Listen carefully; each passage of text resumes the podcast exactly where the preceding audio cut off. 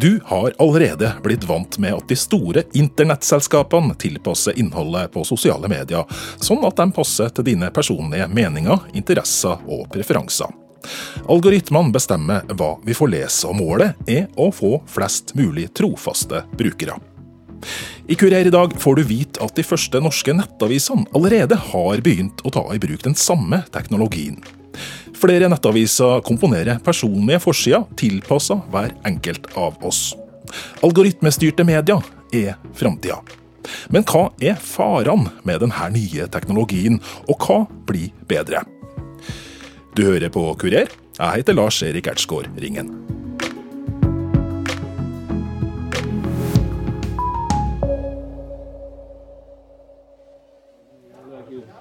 Studio om at politiet er der også med det som du sa. Vi starter programmet i redaksjonen hos Norges største nettavis, VG. Sjefsredaktør Gard Steiro står ved siden av en stor skjerm som er synlig for alle i det åpne kontorlandskapet. På skjermen vises det data på hvordan alle leserne bruker nettavisa i sanntid. For i dagens digitale medievirkelighet samler de store avisene enormt mye informasjon om hvordan du og jeg oppfører oss når vi leser nyheter. VG har bl.a. full oversikt over hvilke saker som er mest lest til enhver tid. Og Her viser det da hva som blir mest lest. Det er Solskjær på topp. Så er det det som kalles nyhetsdøgnet, altså det som er direktestudio der det kommer løpende meldinger. Så er det Strøm, så er det Farmen, og så er det Johannes Klæbo, og så går det nedover. Så det, det er liksom bildet akkurat nå. Og Her viser liksom hvordan man ligger an på klikk fra front, og det viser antall sidevisninger i dag. Unike brukere, spesielt på mobil. Så viser det kjønnsbalansen på fronten, som nå er dårlig. Den er 33 kvinner, og eh, det er jo for dårlig. Målet der er 50% Så Sånt kan man da følge liksom hele utviklingen akkurat nå. Ganske detaljert der. Ja, men det skal være detaljert. Og, eh, og dette er jo De tallene som ligger bak her, som kommer opp når man åpner verktøy, er jo enda mer detaljerte. Der kan man jo virkelig gå inn i uh, enhver artikkel og ethvert videoklipp og se når brukerne faller av. Og, uh, så det, dette er liksom bare det store bildet som ligger her. Og Så blåser Orsato av dette. Ole Gunnar Solskjær takker Torkel for matchen. Torkel reiser til Paris med et fantastisk utgangspunkt etter 2-0 på Old Trafford. Today we weren't uh, at the level, so of course uh, this is a level up from what we have played against with. Uh, det er altså ikke helt tilfeldig at nettavisene de to siste månedene har flomma over av stoff om Ole Gunnar Solskjær og Manchester United. Avisene vet nemlig at det her er nå flertallet av oss vil lese, og det vises i lista over de mest leste sakene. Slik får avisene flest mulig lesere. Men hva har all denne dataanalysen gjort med journalistikken? Jeg tror det har, eh, jeg tror det har, det endret journalistikken. På noen områder tror jeg det har gjort journalistikken bedre. Altså Hvis man ser tilbake på altså før man begynte å måle på nett, altså før nettavisenes tid, så opererte jo papiravisene i blinde. Altså det er klart at Løssalgsavisene eh, kunne jo se hva som solgte aviser og ikke, men de store abonnementsavisene der iallfall jeg jobbet på den tiden, så satt vi jo med en magefølelse av hva som ble lest og hva folk var opptatt av. Vi, vi skrev jo masse som vi, ikke, vi rett og slett ikke ante om leserne satte pris på. Vi gjorde noen målinger og spørreundersøkelser innimellom, men om hvor godt kulturstoff eller næringslivsstoffet faktisk ble lest, det visste vi jo ikke. Så tror jeg at når du får målt dette, så skjer to ting. Det ene er at du kan, du kan begynne å lage mer av det du tror leserne vil ha. Det andre tror jeg som skjer, er at du begynner å se på hvorfor en del type eh, artikler ikke blir lest. Altså Hva er det med måten de er skrevet på, måten de er vinklet på, måten de, eh, måten de er bygd opp på? Er det noe som gjør at de ikke blir lest? Vi forlater sjefsredaktør Gard Steiro i VG og drar nordover til Tromsø. Der møter vi sjefsredaktør Stig Jacobsen, som er stolt over at hans avis i Tromsø er en av de aller første mediehusene i verden som gir hver enkelt leser en personlig tilpassa forside. Vi, vi, vi, var jo veldig interessert i å prøve ut der, og det, teknikken lå jo til rette for det. Så da, da ivra jo vi eh, for at vi skulle få være den første ut. Det vi ikke visste, det var jo at vi var først ute i Europa med det her. Det oppdaget vi først etterpå. Det var ei avis, Winnipeg Free Press i Canada, som hadde gjort det før oss. Men, men vi var først av alle i Europa. Så det var, det var litt sånn der wow. Men plutselig, iallfall europaledende på det, var, var litt rart. Men hvordan fungerer egentlig ei sånn personlig tilpassa framside på ei nettavis? Er det egentlig noe nytt i medieverden? Stig Jacobsen sammenligner det med en av de avisopplevelsene mange sikkert har hatt fra gammelt av. Jeg skulle forklare det fra far min, hvordan hvordan det her fungerte. Og så, så, tenkte jeg men det her er jo sånn som den gamle Aftenposten som vi fikk, der eh, søstera mi nappa til seg kulturdelen, og jeg tok sporten, og, og moderen tok hoveddelen, og han tok finansbiten. Og, etter hvert så bytta vi, og til slutt så hadde alle lest hele avisa. og eh, Sånn fungerer det litt her også, eh, bare digitalt. Vi skal høre mer om eh, i Tromsøs persontilpassa avisforside om litt, men først så skal vi høre hva skeptikerne syns om at mediene nå begynner å tilpasse det de serverer oss etter hva de vet vi liker og ikke liker. Redaktør Anders Brenna i bransjenettstedet NRV er pressemann og teknologientusiast. Man skulle kanskje tro at eh, personifiserte forsider dermed skulle gjøre han entusiastisk, men det er han ikke. Jeg er jo veldig skeptisk, for jeg er jo veldig glad i alle mulige teknologiske muligheter for å liksom få til bedre journalistikk.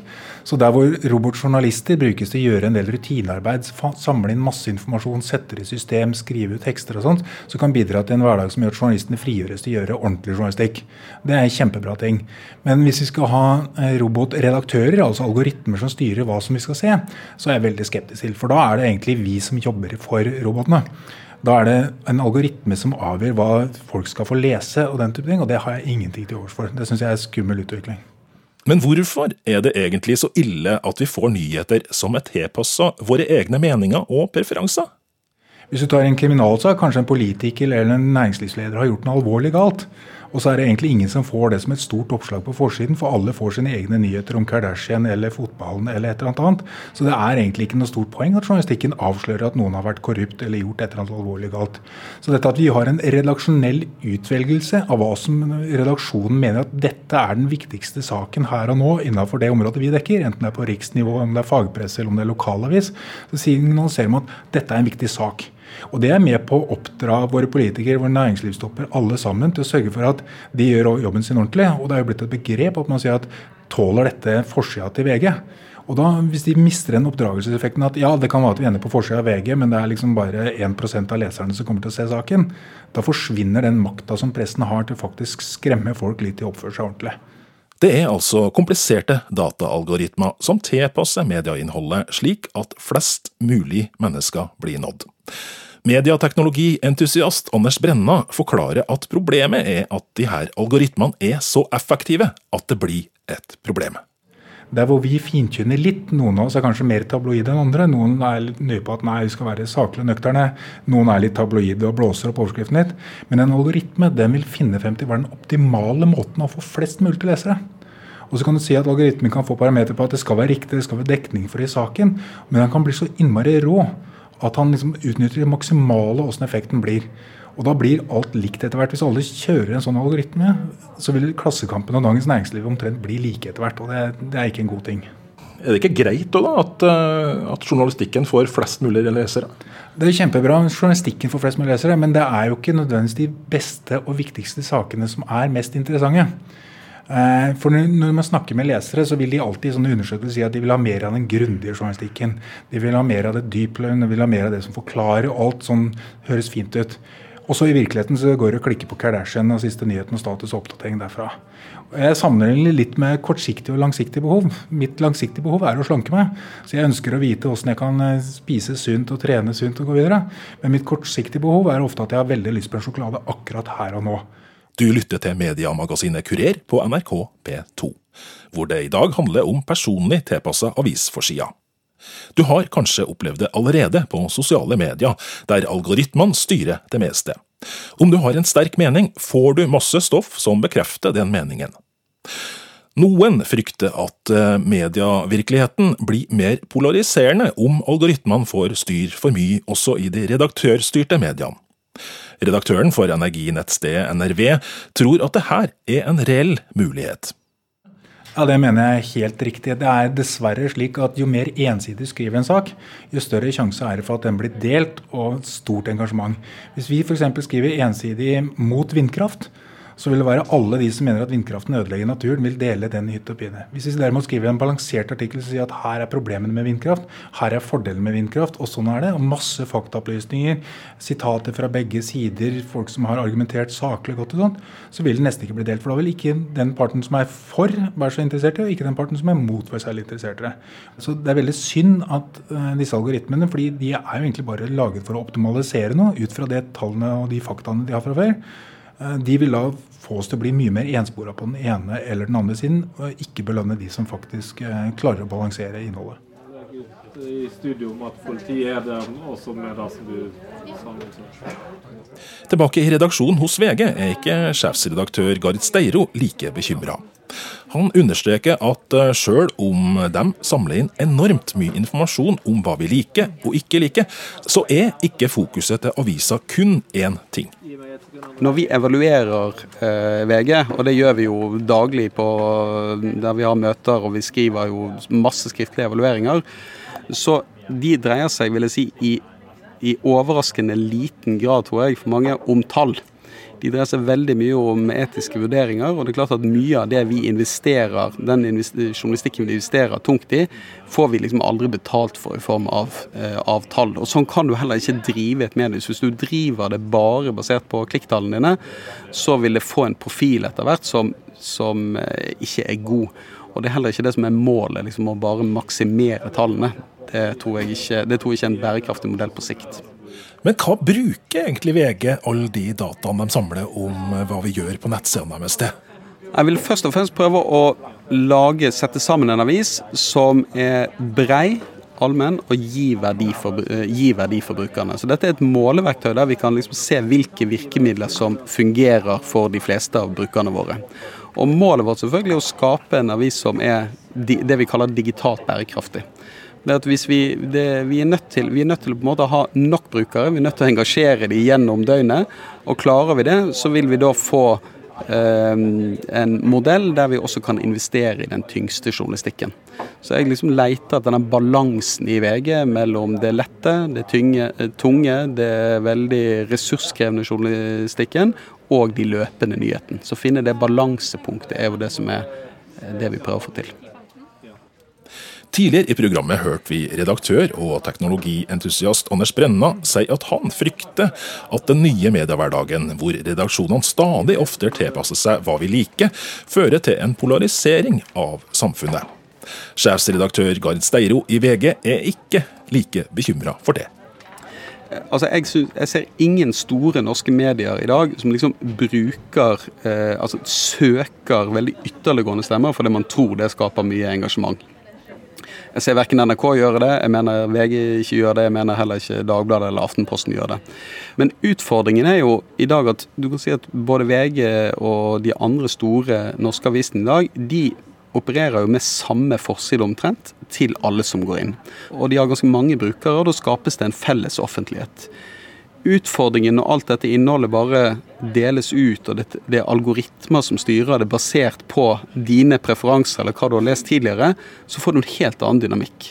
Og det er jo det som er forretningsmodellen til Facebook og YouTube og andre. Det er jo å gi mer av det, det man forventer, det algoritmene forventer at man skal ha. Den teknologien er jo ikke er jo det få norske nettaviser som Eh, har, og de som har det, tar det veldig forsiktig i bruk. Det handler om forsiktige anbefalinger. Og det er meg bekjent ingen norske nettaviser som tenker at de skal slutte liksom å la det være det redaktørstyrte, altså redaksjonens prioriteringer, som er det førende for utvalget. I Tromsø var altså først ute i Europa med å gi leserne en personlig tilpassa forside basert på personlig smak og behag. Sjefsredaktør Stig Jacobsen forteller hvordan det fungerer i praksis. Det første som møter deg, der vil det være innslag av eller flere artikler som er basert på ting du har uh, tidligere valg du har gjort, og, og, og trending og, og uh, lesere som minner om deg sjøl. Men det er også iblanda en del sånne der, vanlige nyheter som, som, vi mener at er viktig at du får. Altså viktige saker eller ting som vi har valgt. Så det, det er sånn litt sånn blanding der. Men samtidig, så når du leser og scroller i ei, altså på en mobil eller, eller på, på, nettet, så får du jo hele avisa til slutt. Det er bare, Forskjellen er bare at du, du begynner et annet sted, og, du ender opp med å lese litt mer fordi det er mer tiltalende meny. Når du går inn på nettsida til I Tromsø, er det altså ikke alt som er tilpassa deg, men bare enkelte deler av forsida. Mange av artiklene som du finner, velger redaksjonen å vise alle som kommer inn på nettsida. Du kan ikke la alt være eh, algoritmestyrt. Det måtte være en blanding, og det var en del ting vi Så vi la inn sånne ruter eh, rute der, der skal det være nyhet hver gang. Her skal det være litt eldre eh, reportasjesak som, som, vi mener er viktig, eh, eh, for å få en bedre miks. For det er klart, hvis det var fullstendig algoritmestyrt, så ville dem som var interessert i Eh, boyband bare få sånne artikler, og dem som var interessert i fotball, bare få det. Så det, så det, var, det var, en del sånne ting vi, vi, faktisk kom frem til at eh, det gjør det bedre, og vi så jo også på tallene etterpå at folk var mer fornøyd. Sjefsredaktør Stig Jacobsen forteller at det er fort gjort å undervurdere leserne sine. Vi, eh, vi, har jo langt mer kritiske og, og eh, avanserte lesere enn man kanskje gir inntrykk av. Og det, det, var, det er jo en grunn til at den der kjappe bølgen med sånn type buzzit-nyheter og eh, alle sånne der eh, morobilder og alt det der. Det er ikke det som er mest delt på, i sosiale medier eller eh, mest lest i, i nettaviser lenger. Det er jo faktisk eh, kommentarer, og, ganske, altså de kommentarene som treffer bredt. Og det kan gjerne være politiske kommentarer. Det er det, er, det, det, er det som er mest interessant for leserne. Og den øverste sjefen i, i Tromsø vil sjøl om algoritmene har overtatt en del av forsideredigeringa, aldri slutte å bruke ressurser på kjedelige, men viktige saker som kanskje ikke nødvendigvis har så mange lesere. Eh, det er noen ting. Eh, kommunestyremøter skal vi dekke om det er aldri så lite populært, og vi skal alltid skrive om de viktige og store nyhetene som skjer i, i, eh, i byen. Og, og eh, men vi er litt klokere i forhold til alle de andre tingene og hva folk eh, er mest interessert i. Det at flere mediehus nå tar i bruk algoritmer som personifiserer innholdet til hver enkelt av oss, er bare den siste utviklingen i en lang prosess hvor aviser og kringkastere stadig vekk har brukt det de vet om våre medievaner, for å gjøre det de bruker tid og penger på, populært. Sjefsredaktør Gard Steiro tror det både har vært positivt og negativt for journalistikken. Vil du ha det positive eller det negative? Hvis vi begynner på det negative, da, så tror jeg at, uh, at det som har skjedd, er at det er en del journalistikk som, uh, som har tapt på det. Det er en del journalistikk som jeg tror det var vanskelig å liksom, skape det engasjementet rundt for folk å lese, som jeg tror redaksjoner valgte bort i stedet for å prøve å jobbe med det. Og prøve å utvikle og se hva kan de gjøre for å få folk til å lese eh, denne journalistikken. Så det, det, tror jeg, og der tror jeg det er noen områder av journalistikken som kanskje er hardere rammet av det enn andre. Og f.eks. tror jeg deler av kulturjournalistikken eh, har tapt på det. Så tror jeg det er andre deler av journalistikken som åpenbart har blitt mye mye bedre av det, fordi man har evnet å liksom lage, lage den, gjøre denne journalistikken bedre med tanke på dette.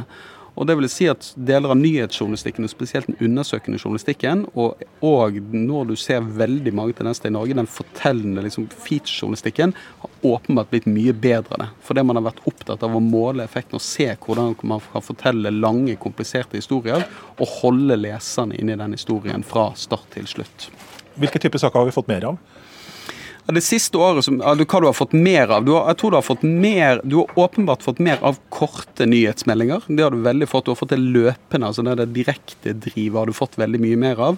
Tidligere så kunne man jo bruke lang tid på å skrive og melde om en sak. Nå går det, er det jo en realtidsdekning av de aller fleste store, store sakene.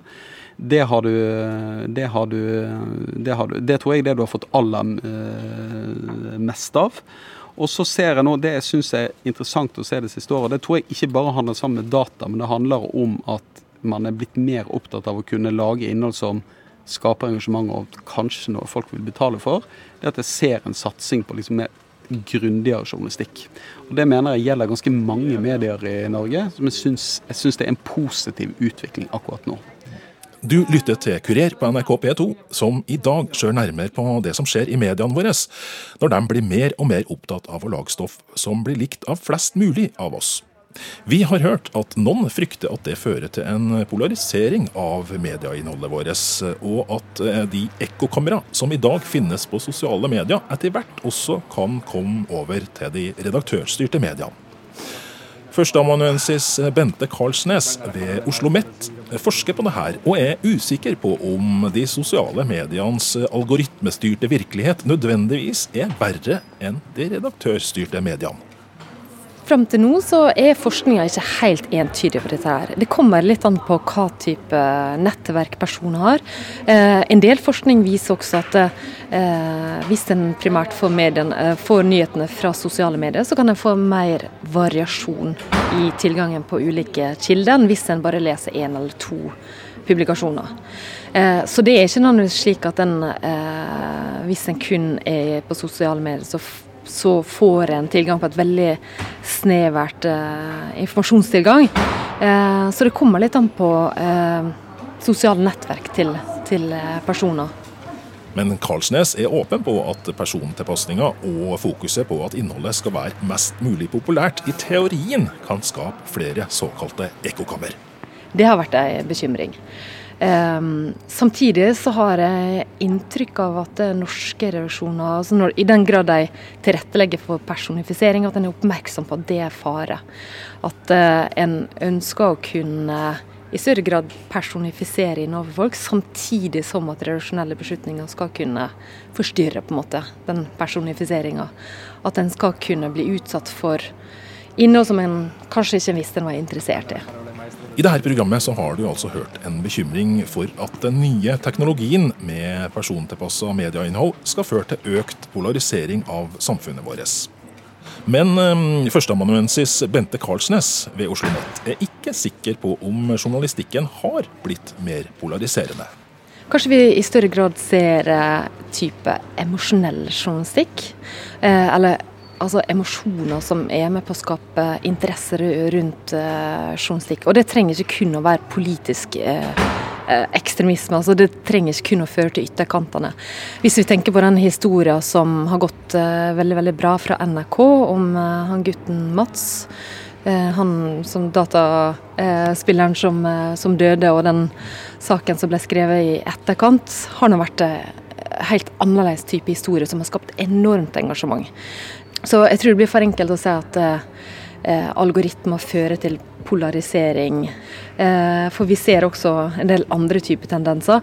Men eh, når eh, algoritmene primært blir målt altså ut ifra engasjement, så er det klart at det eh, har en tendens til å skulle legge mest vekt på det mest emosjonelle, det mest inspirerende, det, det som gjør at folk blir sintest. Så Eh, det er for tidlig å konkludere nå. Du har akkurat kommet til slutten av Kurer her på NRK P2. Og om du har tips til oss i redaksjonen, eller har en kommentar til dagens program, så kan du skrive mail til kurer, alfakrøll.nrk.no. Jeg heter Lars Erik Ertsgaard Ringen, og produsent for dette programmet var Randi Lillealteren.